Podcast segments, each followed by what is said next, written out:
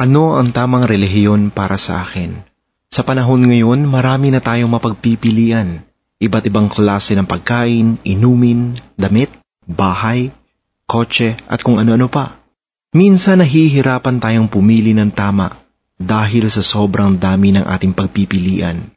Baka ganito rin ang nararanasan mo sa relihiyon.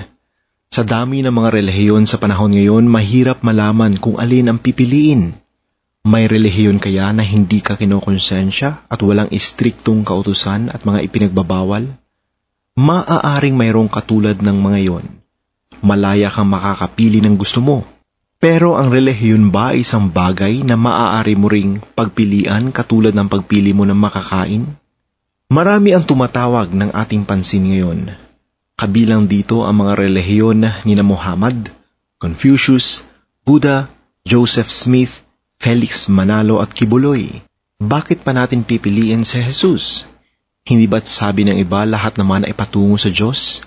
Hindi ba't pare-pareho lang naman ang lahat ng relihiyon? May kasabihan nga, maraming daan, isa ang patutunguhan. Pero ang totoo, hindi patungo sa langit ang lahat ng relihiyon. Katulad din ng mga daan na hindi lahat ay patungong Maynila. Si Jesus lamang ang nagsalita na may kapangyarihan mula sa Diyos, sapagkat siya lang ang muling nabuhay mula sa kamatayan. Sina Muhammad, Confucius at iba pa ay nasa kanilang mga libingan pa hanggang ngayon. Ngunit si Jesus sa pamamagitan ng kanyang kapangyarihan ay bumangon mula sa kanyang libingan tatlong araw pagkatapos niyang mamatay sa krus. Dapat naman nating pakinggan ang sinumang may kapangyarihan laban sa kamatayan. Napakaraming ebidensya na talagang nabuhay ng muli si Jesus. Una, may limang daan katao na nakakita kay Kristo pagkatapos niyang mabuhay na muli. Hindi pwedeng baliwalain ang patotoo ng limandaang taong yun na nabuhay siya.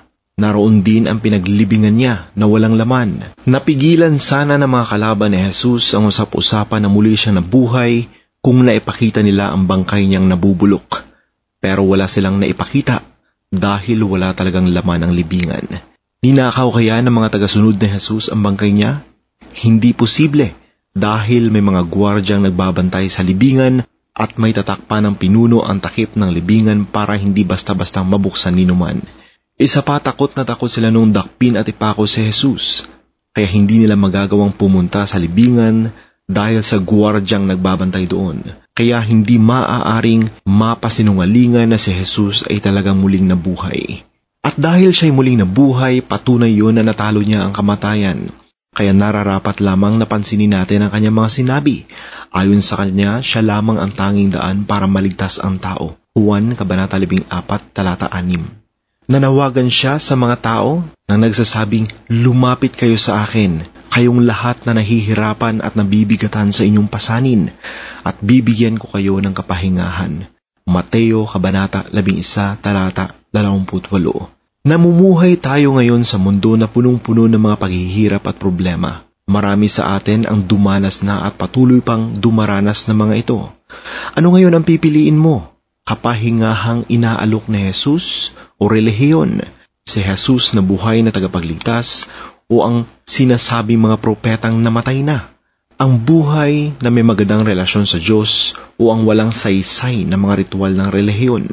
Piliin natin si Jesus siya lang ang nararapat. Si Jesus ang tamang relihiyon.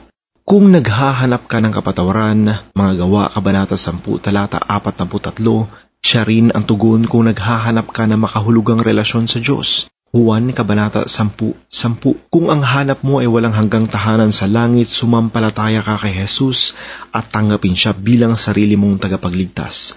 Juan, Kabanata 3, Talata 16.